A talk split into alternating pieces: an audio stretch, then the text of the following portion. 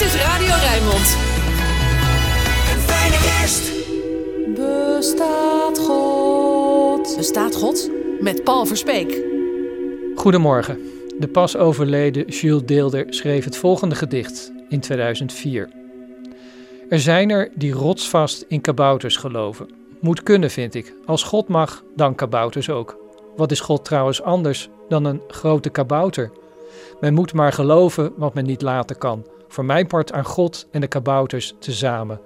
Zolang ik maar niet hoef, als ze mij maar met rust laten. Voor het eerst heeft het CBS dit jaar gemeten dat er minder mensen religieus zijn dan een hokje bij een kerk aankruisen. Zou het kunnen dat het geloof uitsterft? Dat God straks dood is? Dat wetenschapper Dick Swaap gelijk krijgt dat religie eigenlijk niet meer is dan een afwijking van de hersenen? Ja, er is mij een keertje gevraagd als ik, uh, als ik God tegen zou komen, wat ik hem dan zou vragen. Ik heb gezegd, in eerste instantie zou ik hem om zijn uh, identiteitsbewijs vragen. Want er zijn wel meer mensen die mij vertellen dat ze God zijn. Tegelijk betekent het geloof nog heel veel in de levens van miljoenen Nederlanders. Christenen, moslims, joden, etc. Geloven zij dan in kabouters? Als God goed is, waar komt dan al die ellende vandaan?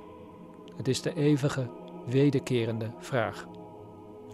In de afgelopen jaren heb ik voor het programma Rijmond staat stil vele tientallen mensen geïnterviewd en ook vaak over hun geloof of ongeloof gesproken. Vandaag en morgen geven zij de antwoorden. Van de journalist die de oorlogsgebieden bezocht en zeker wist: God bestaat niet. Tot de crimineel die God nog gebod geloofde, toch in de Here geraakte en nimmer meer in de cel zat.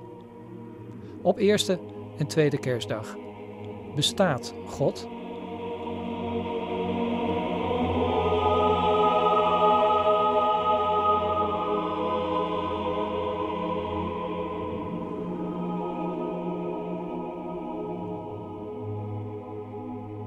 De eerste getuigenis is van Robert Smits. De Blijswijker werkt al 30 jaar in de sloppenwijken van Rio de Janeiro, waar een keiharde drugsoorlog woedt.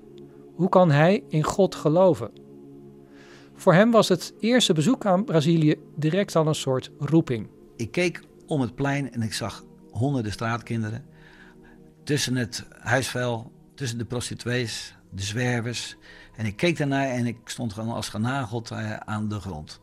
En op dat moment, het leek net alsof een stem het zei, maar het was heel duidelijk, die zei van, en hier ga jij met je kinderen werken. En op een gegeven ogenblik, wat ik gewoon heel frappant vond, het, eh, zoals ik zei, het miezerde.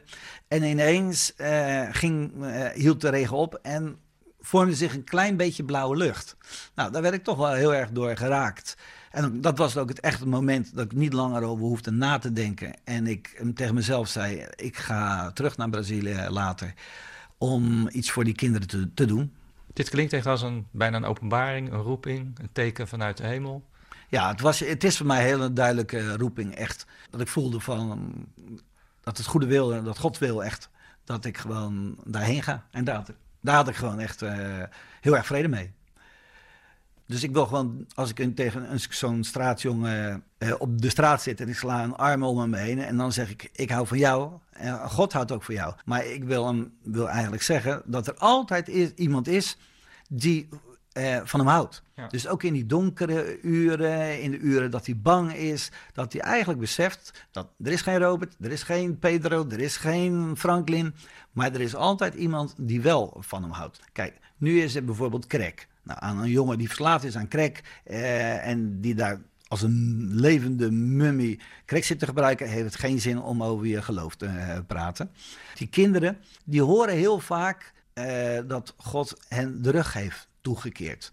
En dan is het gewoon heel erg belangrijk om juist tegen die kinderen te zeggen, weet je wel, die kinderen die zien zich als ratten, als vuil. En dan ineens tegen die kinderen te zeggen van, uh, God heeft je niet de rug toegekeerd. Je bent gewoon geweldig, je bent mooi, je bent belangrijk. Dan sta ik daar als cynicus naast. En dan zie ik jou daar met die uh, jongens aan de gang. En ze proberen hoop te bieden en te zeggen, er is altijd iemand voor je. Um, en dan zie ik dat beeld van al die straatkinderen aan de krek, prostituees, heel jong, sloppenwijken ellende. Dan denk ik, waarom zorgt die God er niet voor dat ze gewoon een normaal huis hebben? En dat ze geen crack gebruiken? Ja, ik geloof gewoon dat God op eh, zijn kerk eh, steunt. En dat eh, de kerk eh, iets voor de mensen moet doen. Hè, dan kom ik weer terug over geloven is niet, met, eh, niet naar de kerk gaan. Dat is niet met de Bijbel onder je arm lopen. Dat is iets voor je mede- medemens doen. We weten gewoon dat er gewoon op de hele wereld zijn gewoon miljoenen christenen of moslims of wie dan ook. Dat, dat, maakt mij allemaal niet uit. Je moet je medemensen helpen. Go- God alleen kan het niet, niet doen. Nee. Hij heeft ons nodig. Hè? Eh, wij zijn zijn armen en zijn voeten om iets te kunnen doen voor onze medemens. Nou, zo zie ik het. Ik heb natuurlijk ook bij een heleboel dingen heb ik me vragen waarom, eh, waarom niet of waarom wel. Maar ik doe het gewoon op deze manier, op deze manier mij het gewoon het meest, meest eh, aan, aanspreekt. Dus wij, moeten, wij moeten het gewoon doen.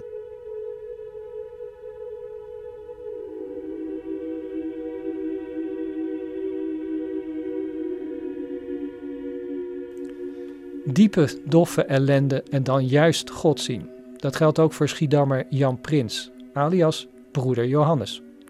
Hij werd met zijn tweelingbroer van pleeggezin naar pleeggezin gebracht, waar ze vernederd werden en in armoede opgroeiden. Ze werden zelfs ten onrechte in een zwakzinnige instituut geplaatst, tot een frater ingreep. Een van de broeders van de fraters die eh, ontdekte dat, dat dat klopt iets met die jongens niet, want die doen heel anders, die doen eigenlijk heel normaal en die heeft ons bij zich geroepen en liet ons wat regeltjes, maar zinnetjes maken en een, een beetje sommetjes. Hij zag dat we gewoon helemaal, helemaal niet eh, debiel of, of zwakzinnig waren. Nee. En dus hij heeft gezorgd dat we daar wegkwamen. En dat noem ik dan Gods inwerking, dat iemand ons, dat iemand dat opmerkte, die in de vorm van die frater. Ja, ik ben heel erg gelovig. Ik geloof heel sterk dat God in mijn leven steeds een stapje verder is gegaan, ingegrepen heeft, daar waar het nodig was. En dit vond ik zo'n moment. Dan denk ik, had hij niet wat eerder kunnen ingrijpen en voorkomen dat Ja. ze naar dat zwakzinnige Ja, instituut die gingen? vraag, die vraag stel ik mij dus nooit, want waarom? Daar krijg je toch geen echt antwoord op. Het is gewoon gebeurd. En je moet leren dingen te accepteren in je leven die gebeuren. Dat gaat niet allemaal even gemakkelijk, dat is vaak heel moeilijk. Ja. Maar op een gegeven moment moet je vrede hebben met op de situatie waarin je op dat moment verkeert, vind ik. Pater noster, qui es in celis. Amen. Sanctificetur nomen tuum. En ook bijvoorbeeld dat je verjaardag gevierd werd, dat je kerstmis vierde. Hadden we nog nooit meegemaakt. Dus Nooit een verjaardag gevierd tot dat moment? Jullie Nee. waren 16. nee, nooit. Ja, in, in het gezin zelf wel, met, met de eigen kinderen. Maar wij werden dan in de keuken gestopt. Of we werden de straat opgeschopt. Met kerstmis ook. Daar kregen wij niks van mee. Want ja, wat we meekregen als we, we gingen naar de kerk, want dat waren ze wel heel goed in. Godsdienstige opvoeding, dat, dat moest altijd doorgaan. Hè? Dus we gingen wel elke dag naar de kerk. En ook met de feestdagen. En dan, en, en dan voelde ik me gelukkig tot en met. Want daar voelde ik me echt geborgen. Ja. Daar voelde ik me opgenomen. Daar voelde ik iets van liefde. En dan die hele sfeer van de, van de kerk toen de tijd. Ja, dat, dat, vond ik als kind geweldig. Dat, dat pakt zo, mij zo aan. Dan werd je gedragen door een gemeenschap, dat is punt één. Punt twee, eh, de hele entourage. Eh, ja, en, en die sfeer zorgt er ook weer voor dat je je geborgen voelde. Dat je iets van liefde ervoerde. En eh, ja, dus alles, alles wat, wat in die kerk gebeurde, dat, dat, de liturgie, en, dat sprak me allemaal ontzettend aan. En dat Gregoriaans en, en, en ook vaak meerstemmige missen. Pater noster, qui es in celis. Amen. Sanctificetur nomen tuum. Amen.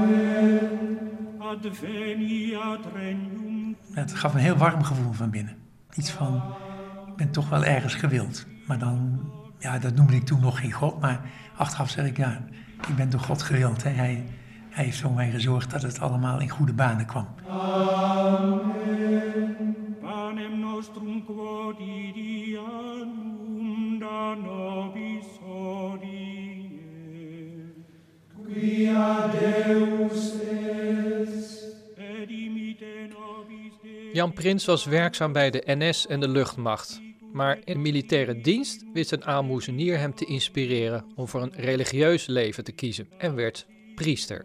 Ik heb eigenlijk door heel Limburg, Midden, Zuid, eh, heb ik allemaal mijn werk gedaan. En met heel veel vreugde, met heel veel plezier. Een hele mooie periode van mijn leven geweest. U heeft meerdere keer gezegd, uh, tijdens mijn leven heeft God ingegrepen. De schets die u gaf van uw kindertijd was verschrikkelijk. U ontmoette vreselijke mensen die pleegouders waren van u. U had steun aan het geloof. Je kan ook zeggen, ik ga juist twijfelen aan het geloof, want waarom grijpt God hier niet in? Waarom laat hij het toe dat kinderen zo vernederd onder voet raken? Ik heb eh, geleerd om niet te veel te zeggen waarom, maar uh, mijn leven te nemen zoals het is en komt. En daar iets van te maken. Ja. En me daarvoor in te zetten. Maar u gaat er niet door twijfelen aan, aan God? Als... Ik heb ook wel twijfels in mij. Tuurlijk heb ik ook wel vragen dat ik dan denk, ja, waarom en dit en waarom dat en waarom moet dat nou elke keer fout lopen? En ik heb ook hele moeilijke periodes in mijn leven gehad dat ik het echt niet meer zag zitten.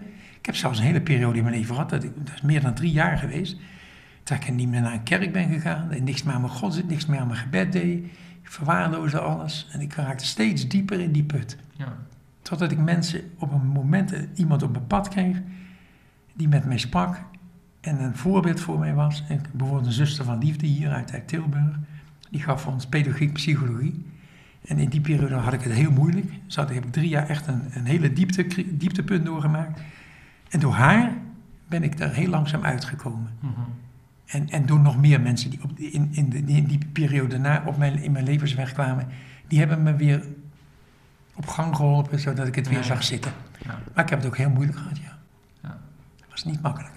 et omnes ad quos pervenit aqua ista, salvi facti sunt et dicent, Alleluia.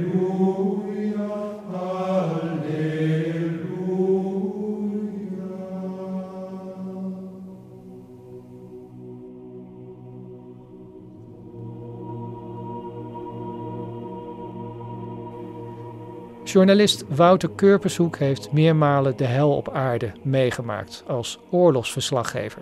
Wat doet dat met een mens en zijn godsbeeld?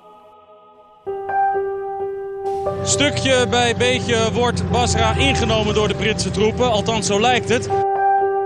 De inwoners van dit door armoede geteisterde stadje zijn door de komst van de Albanese vluchtelingen in nog grotere problemen geraakt. They're fighting now in front of the hotel.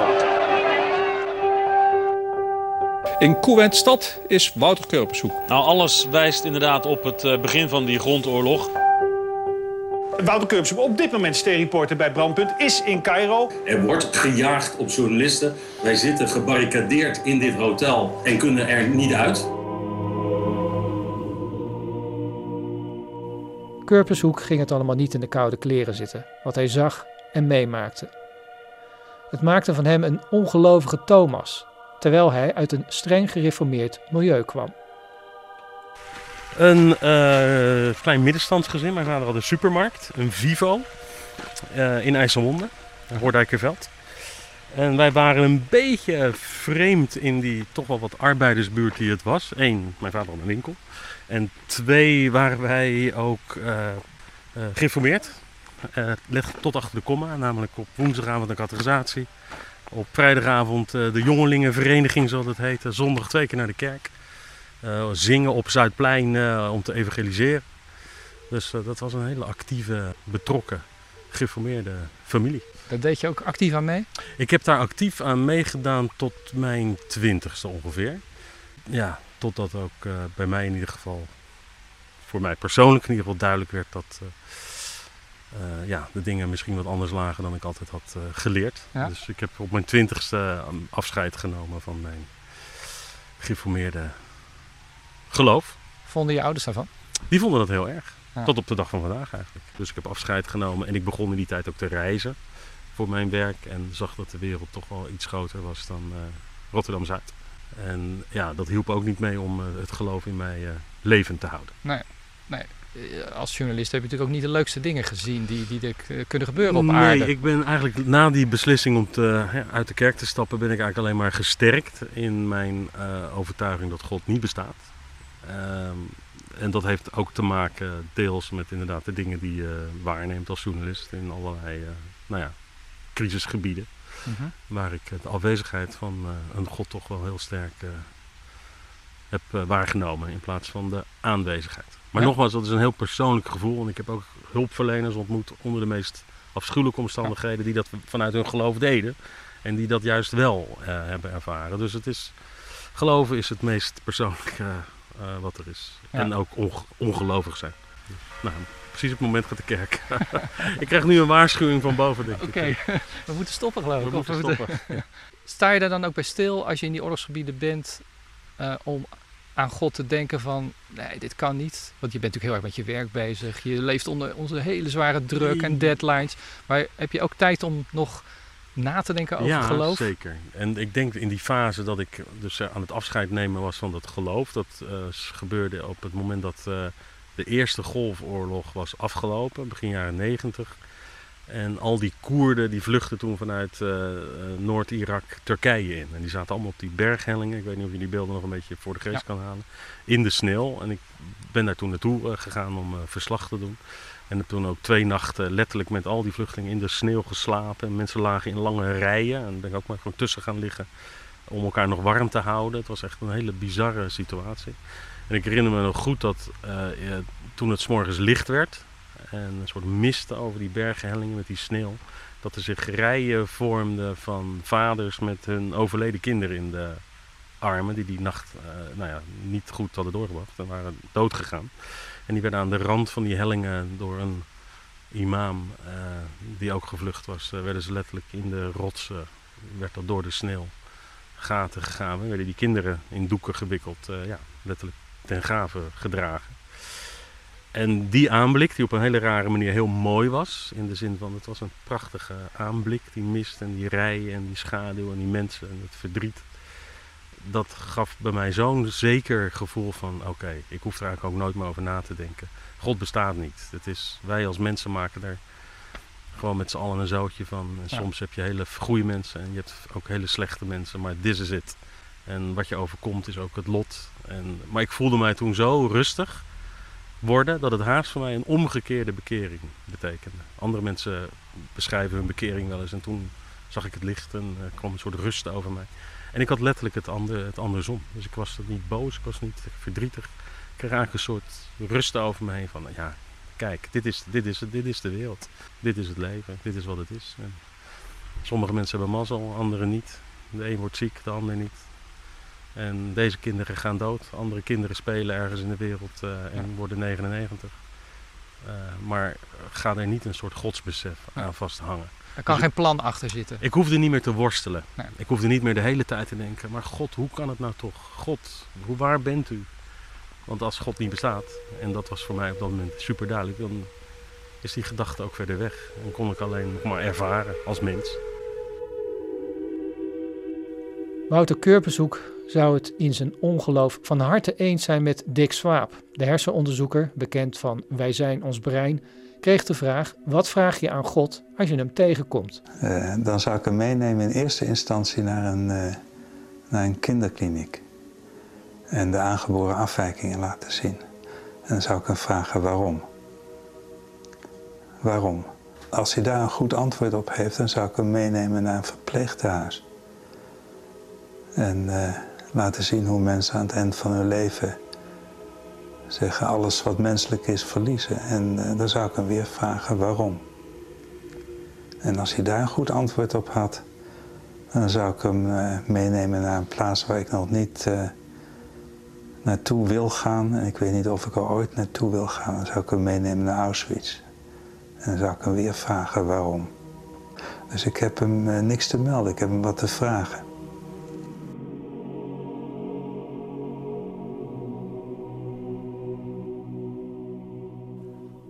Een ontmoeting met God. Ook Joop van Ooyen, de bekende dak-evangelist en politiek leider van Jezus Red, droomt ervan. En hij denkt ook wel dat het ervan komt. In de nabije toekomst en als hij doodgaat. Ik ga het heerlijk naar Jezus toe. En dan eh, komen we na een bepaalde tijd terug en dan wordt, maakt hij hier alles nieuw. En dan wordt het weer zoals het bedoeld was. Daar ben je heilig van overtuigd. 100%. Ja. Maar we zitten al heel lang te wachten tot hij terugkomt. Al eh, 2000 jaar. Klopt. Schiet niet op, hè? En de Bijbel zegt dat we daar dankbaar om moeten zijn. Zo, zo geduldig en barmhartig is God dat hij wacht. Om er zoveel mogelijk mensen te kunnen komen. Dat is toch verder het beste? Nou ja, niet voor iedereen misschien. Nee, als je niet voor Jezus kiest, dan mag je wel oppassen. En uh, daarom waarschuwen de mensen ook. Niet om ze bang te maken, maar het is gewoon realiteit. Alleen als mensen die realiteit niet geloven, ja, wie niet uh, luistert moet voelen, spreekwoord. Maar heb je het wel met de paplepel ingegoten gekregen? Nee hoor, ik was uh, erg rebels. Ik was tot mijn 27ste eigenlijk uh, niet gelovig. Helemaal niet? Nee, op mijn 27ste heb ik de keuze gemaakt en heb ik me laten dopen. Toen heb ik de Heilige Geest gekregen. En uh, ja, dan ga, je, dan ga, je, leven volgens God. Probeer je althans, want ik val natuurlijk ook iedere dag. En dan zie je dat hij genadig is en vergeeft. Maar het is het mooiste leven wat er is. Never a dull moment. Als ik morgens wakker word, dan kan ik zingend wakker worden. Nou, vroeger had ik wel spijt in mijn hersens als ik wakker werd. Snap je? Dus het, ja. hele, het hele leven wordt veel mooier. En je gaat alles zien. Je gaat ook, als je om je heen kijkt, hoe prachtig die schepping is. Dat is zo mooi. Alles is zo mooi geschapen. En dan zeggen die mafkees nog dat het uit een knal komt. Ja jongens, dat, als je dat toch denkt, dan heb je toch totaal geen verstand. Hoe kan dit nou allemaal uit een knal komen? Maar dit in miljoenen jaren of miljarden jaren gevormd is toch rationeel beter te begrijpen dan in zes dagen nee, gemaakt. Luister, in miljoenen jaren. Stel je nou eens voor dat het echt miljoenen jaren of miljarden jaren zouden zijn. Ja. Mijn opa, nee, mijn schoonvader, heeft geen vliegtuigen meegemaakt, geen auto's, geen stromend water, geen televisie, geen radio. Die man is in 1890 of zo geboren, was vrij oud. Dan zijn al die miljarden jaren, de laatste honderd jaar, al die dingen veranderd zijn. Nou jongens, berg je dan maar. Daar geloof ik dus niks van. Daar geloof ik helemaal niks van. Jezus redt, Jezus redt, heel de hemel bruist en zingt. God verdrijft de duisternis, Hij brengt licht En de islam is niet echt? Nee, dat is ook bedrog. Ja, dat is net als Rooms-Katholieke Kerk, hetzelfde hoor. Ah. Okay. Dus dat is één pot nat. Ja. Maar als ik nu tegenover een moslim zit, die zegt hetzelfde. Die nee, die zegt niet hetzelfde. Die nou, die zegt in, in die zin, die zegt hetzelfde van ja, dat van die christenen is bedrog. Mijn ja, geloof is het waar. Omdat hij het niet gelezen heeft. Terwijl wij hebben de Koran wel gelezen. En daar staat in dat je de heilige boeken moet lezen. Dus dat heet Injil dan, in hun taal, Nieuw Testament. Dan zeg ik, heb je het ook gelezen? En dat hebben ze geen van allen gedaan. En dat wordt natuurlijk lastig. Als jij een, een visie hebt over iets anders en je hebt het niet eens gelezen. Maar ja, welke kerkmens leest nog de Bijbel? Ik denk dat jij hem ook nooit gelezen hebt. Nee, stukjes. Ja, ja, ik ben vanuit het katholiek, hè. wij mochten dat niet eens. Nee, dat is. Dat kun je nagaan. Althans, mochten niet, maar deden dat niet. Nou, honderd jaar terug, dan ging je de brandstapel op, denk ik, als je de Bijbel had.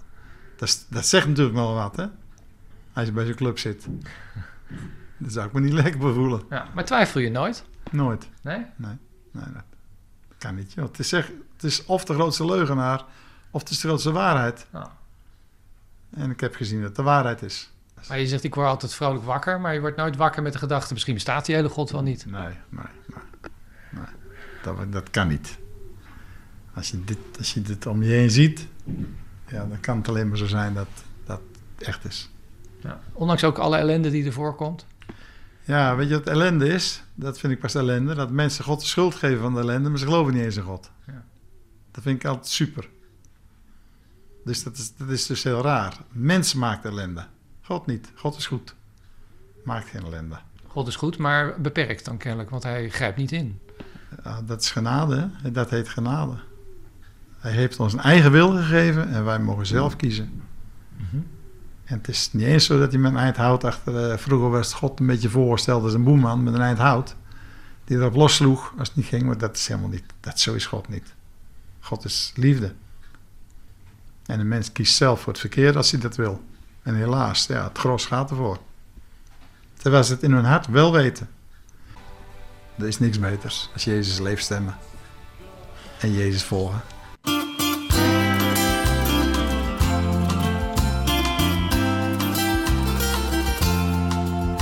Onze God is de beste. Onze God is kampioen.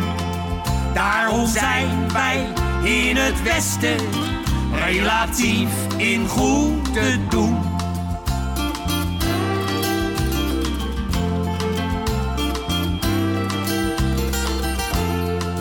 Kijk die andere religies, wat een puinhoop heerst er daar Baby's vol met vieze vliegjes, hele volkeren de sigaar.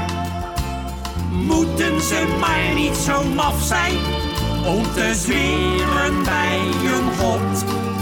Waardoor ze arm en slechts eraf zijn, ontevreden met hun lot. Mohammed doet in leproze, kijk maar bij de evenaar. Hindoes wonen zelfs in dozen, Boeddha maakt je bedelaar. Brahma is een van de boosten. Shiva een grote klier. Al die gozers uit het oosten. Nee, die moeten wij niet hier. Ja, wij zijn hier in het westen. Nog het best in goede doen. Onze Heer blijft toch de beste. Hij is wereldkampioen. Hij is wereldkampioen.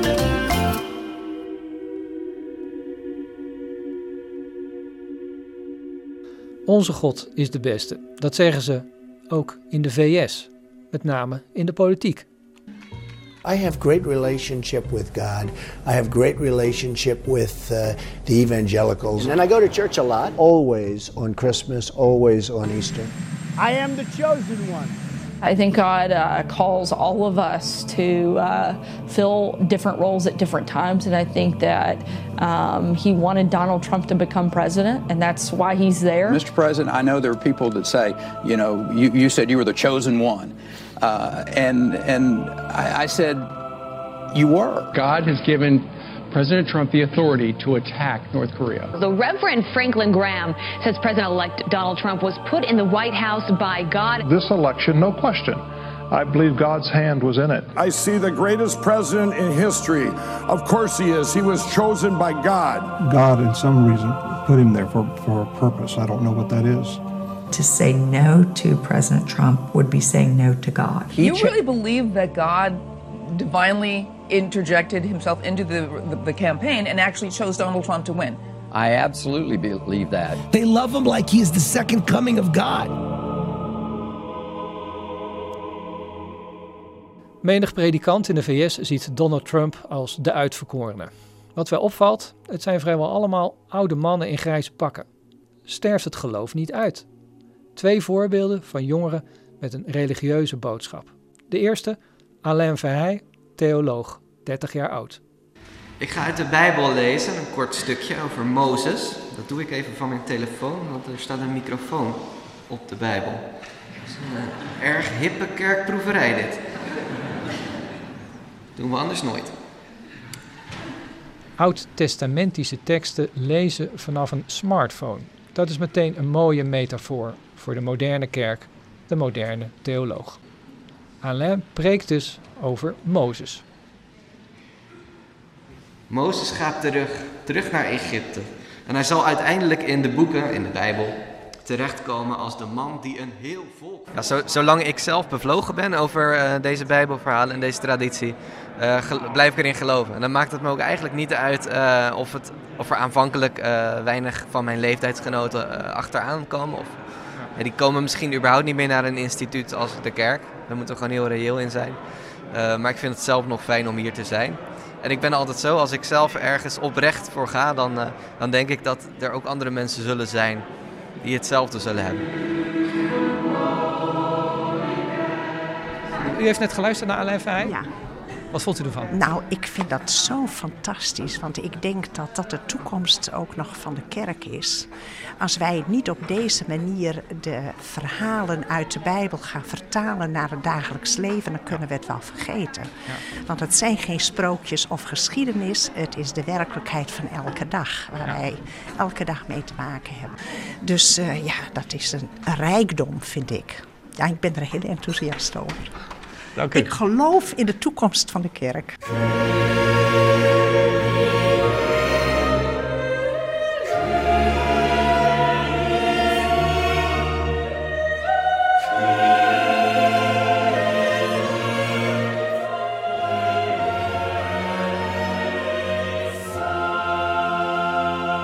De tijd is gewoon voorbij dat ik eh, als een soort catechismus vraag: hè, waarom is mijn moeder ernstig ziek? Antwoord: omdat God het heeft gewild. Hè? Of dat soort uh, vragen. Nee, zo werkt het niet. Kijk, ik denk hoogstens dat die, die rituelen of die verhalen, um, of gewoon de mensen om je heen, het luisterend oor, uh, dat, dat dat je gewoon helpt om met die grens van het leven om te gaan. Theologie naar Auschwitz, ik ga er maar gelijk eventjes in. Oeh, ja. Ja, ja, ontzettend moeilijk. Ik kreeg die vraag laatst uh, na een kerkdienst gesteld van echt iemand die zei: Ja, ik heb hier nog nooit een goed antwoord op gehad. Uh, iedere dominee die ik spreek lult er een beetje omheen. Ja. Maar uh, hoe kan een God zijn eigen volk, hè, nog wel, 6 miljoen la la zomaar laten sterven? Ja, is gewoon geen goed antwoord op. Ik nee. bedoel, ja, die almacht van God, het aloude dogma eigenlijk.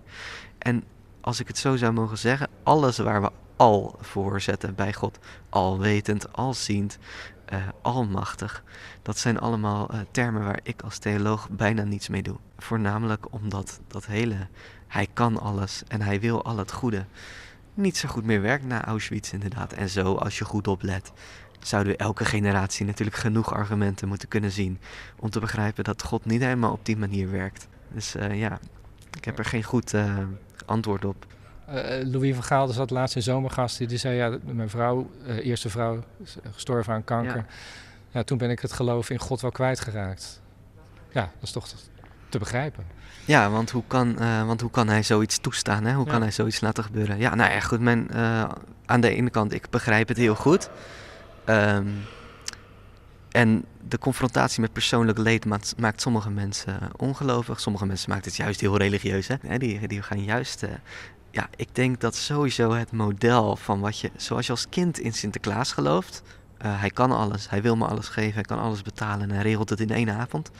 Ja, zo moet je niet in God blijven geloven na je puberteit. Want als je God ziet als, uh, als zo'n soort Sinterklaas, zo'n toverman in de lucht, ja, dan werkt religie alleen maar zolang jou niks ergens overkomt.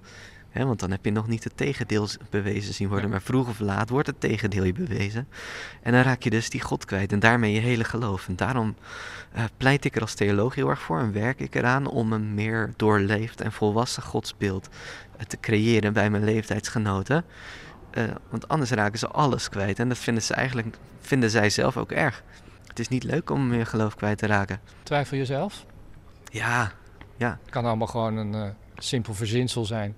En er is gewoon niks. Deze kerk, dit grote gebouw, ja, het drukt iets uit. En het is nog een mooi gebouw. Maar that's it, want er is gewoon helemaal niks tussen hemel en aarde. Ja, dat zou dus, uh, dat zou dus zomaar kunnen. Hè? Dat, dat weet ik niet. Ik heb mezelf wat toegestaan, uh, een paar jaar na mijn studie. Uh, heb ik een paar jaar gedacht, nou, misschien geloof ik wel helemaal niks. En heb ik ook weinig met theologie gedaan. Uh, maar er bleef toch een soort harde kern in mij zitten, waardoor ik steeds weer terugveerde naar die Bijbelverhalen met name. En toch weer in de kerk te vinden was. Mm -hmm. Toen dacht ik, ja, wie hou ik voor de gek? Uh, blijkbaar geloof ik nog steeds. Uh, maar het zou kunnen inderdaad. Kijk, als er niets tussen hemel en aarde is, zoals je dat zegt, ja, dan denk ik alsnog, hè, ik heb mooie verhalen. ik heb een sociale rijkdom, sociaal kapitaal. Dat kan de kerk vormen, hè, een soort van participatiesamenleving kan het hè, mantelzorgers. Uh, ik heb een mooi gebouw, mooie kunst en uh, een vast moment in de week waarop je over het leven kan nadenken. Is voor mij ook al heel erg de moeite waard, zelfs als er geen God is.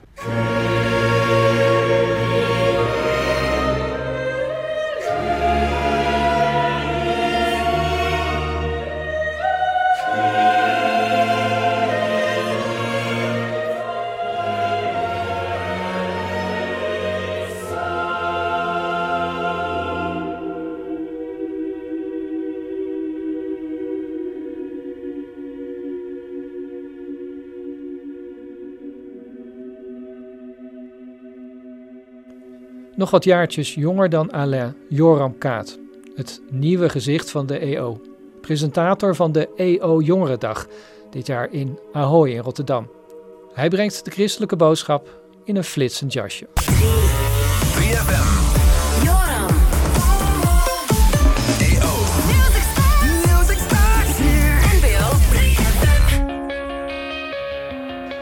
Radio-dj is hij. Hij presenteert het jongerenprogramma Beam en had zelfs al een rol in The Passion als discipel. Een carrière als een komeet, met straks dus een nieuw voorlopig hoogtepunt. En I am in Rotterdam Ahoy, want vandaag een hele speciale editie van de EO Jongerendag Show. Vanaf de plek waar het allemaal gaat gebeuren. Let's go! They see me rolling. They hating, patrolling and trying to catch me riding dirty. De tijden van Henk Binnendijk en Bert Doornbos liggen duidelijk achter ons bij de EO. Al blijft de boodschap dezelfde. Want we zijn hier vandaag maar met één reden. We zijn hier vandaag voor één persoon. En dat is Jezus. Nou, volgens mij was het afgelopen jaar in het nieuws dat er veel mensen eh, stoppen met naar de kerk gaan. Mensen begrijpen het niet altijd of mensen denken heel anders over dingen. En dat is niet erg, maar dan is het wel fijn dat je op zo'n dag als de EO Jongerendag met elkaar echt dat kunt vieren waar je zo enthousiast over bent. Ik heb het echt enorm naar mijn zin hier op het podium. Maar ik vind het ook wel leuk als jij even je momentje pakt op het podium. Kijk, daar komt al iemand aan, heel goed. Hi, wat is jouw naam? Joppe Prins. Job, wat goed dat je er bent. hey, wat wil jij doen op het podium? Ik wil even zeggen tegen iedereen dat God met jullie allemaal is. Halleluja. Wauw, wauw, wauw. De klok was nog niet eens begonnen, maar eh, is, is dat alles of wil je nog wat langer iets doen? Ja, dat was eigenlijk wel alles. Ik, ik, ik was al gewoon dus heel jong wel enthousiast over de kerk en we deden daar ook veel. Het was, was wel een soort van eh, familie voelde dat. Dus, dus eh, het was voor ons niet zo dat we op zondag daarheen gingen en dat ik daar zat omdat het moest en dat ik dan weer naar huis ging. Ik ehm, ben er echt mee opgegroeid. Het is echt een onderdeel van mijn leven altijd al geweest. Dus ik was geen passieve kerkbezoeker. Ik was all in eigenlijk. Dat was ons leven wel bijna. En dat was echt fantastisch. Dus daar ben ik eigenlijk in opgegroeid.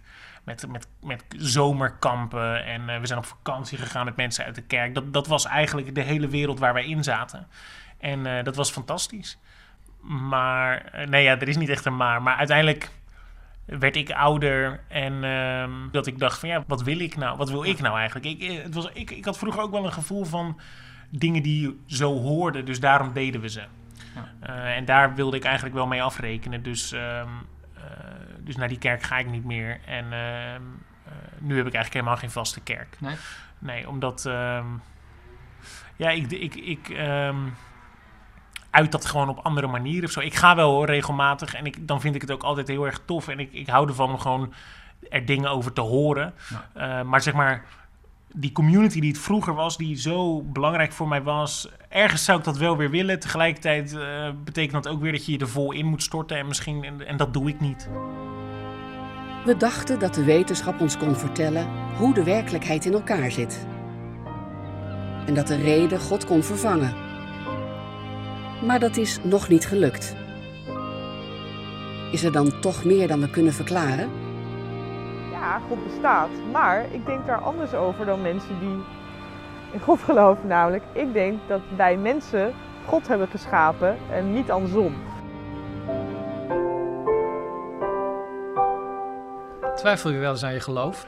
Eh, ik twijfel heel veel, omdat ik eh, het echt niet eh, snap of zo. Eh, het is niet zo dat ik precies snap hoe het nou allemaal werkt of zo. Integendeel, ik geloof echt wel, en dus daar twijfel ik niet zozeer over, van, dat, dat God er is.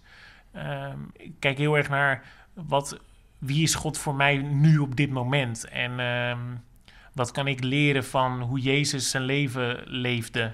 En eh, eh, dat is voor mij de kern van geloof. Wie ben ik als persoon? Eh, ja, oké, ik wil dus leven, hè, zeggen wij als christenen dan, naar het evenbeeld van Jezus. Dus ik wil lijken op Hem. Oké, hoe doe ik dat dan?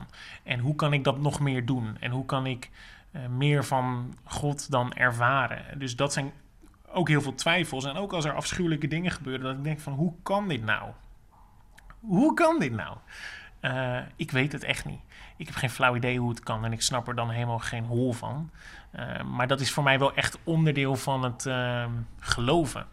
Eh, ik vind het jammer dat heel veel christenen, denk ik, wel die houding hebben van: haha, ik heb gevonden hoe het zit, nu jij nog. Ja, ehm, vanuit die positie is er nog nooit een goed gesprek begonnen, zeg maar. Daarom vind ik het ook heel leuk om met eh, vrienden die niet geloven, of nou ja, mensen die niet geloven, daarover te praten. Omdat ehm, eh, ik hopelijk dan iets kan delen over wat het voor mij betekent en wat ik jou ook gun, zonder dat het een wijzend vingertje wordt van, uh, hey, uh, wanneer begin je te leven, zeg maar. Ja, ja, um, ik zat net nog toevallig hiervoor met iemand te appen die bij de NPO werkt. Die ken ik al wat langer. En die is echt, uh, nou ja, anti eigenlijk. Die vindt het afschuwelijk, dat hele geloof. -hmm. Dus, uh, maar goed, qua werk heb ik er dan mee te maken. En, uh, maar wij accepteren dat gewoon, dat we gewoon 100% verschillend zijn. Dus dan heb ik hem net ook van, hey, kom je nog naar de jongerendag? Het zou wel goed voor je zijn, hè? Dan zegt hij van, nou, ik ga nog liever dood. En, nou dat, dat vind ik gewoon grappig, dat je daar ook grappen over kan maken. Um, terwijl we op andere momenten daar heel inhoudelijk over kunnen praten. Van, hey, wat betekent dat nou voor mij? En hoezo heb jij daar nou zo'n afkeer van? Maar we kunnen daar ook, denk ik, gewoon luchtig mee omgaan.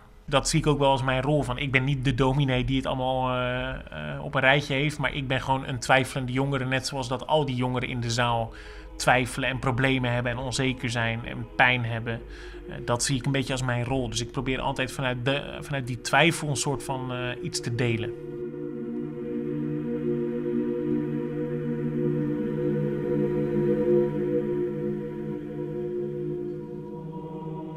Bestaat God? De twijfel is eeuwig. Morgen tussen 9 en 10 nog meer twijfelaars, rotsvaste gelovigen en hardcore atheïsten. We sluiten dit eerste uur af met de man wiens verjaardag we vandaag vieren: Jezus Christus. 15 jaar geleden zocht ik hem op, Jezus, alias George.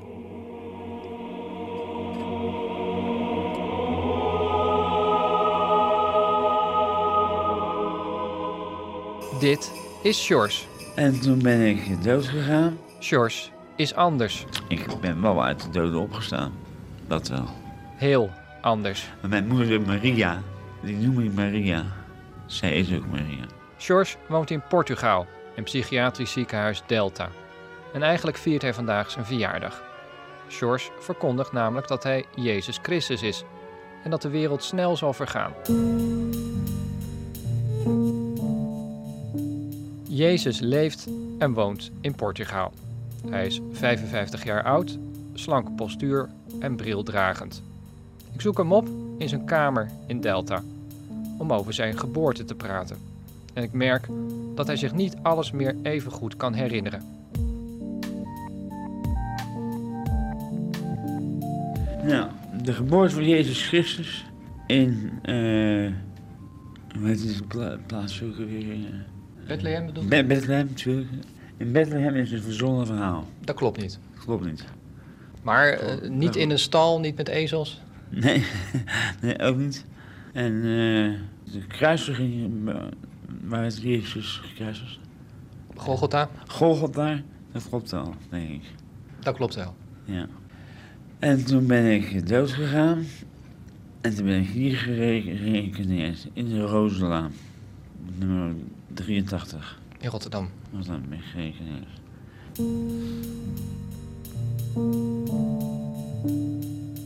George, alias Jezus, weet nog niet heel zijn leven dat hij de verlosser moet zijn.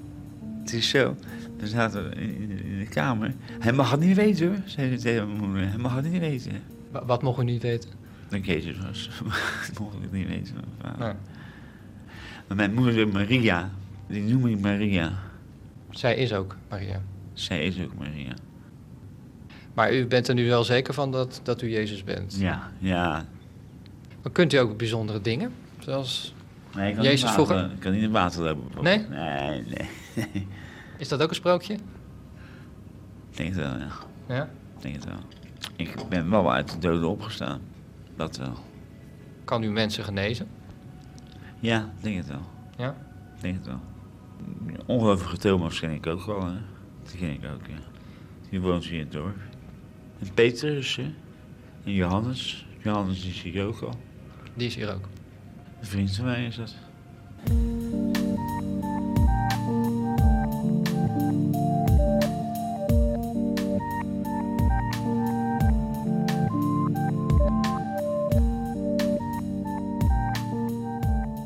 Is het zwaar om Jezus te zijn? Ja. Heel zwaar leven heb ik. S'avonds ben ik uitgeput. Jezus is moe. Hij gaat op bed zitten en rookt zware check.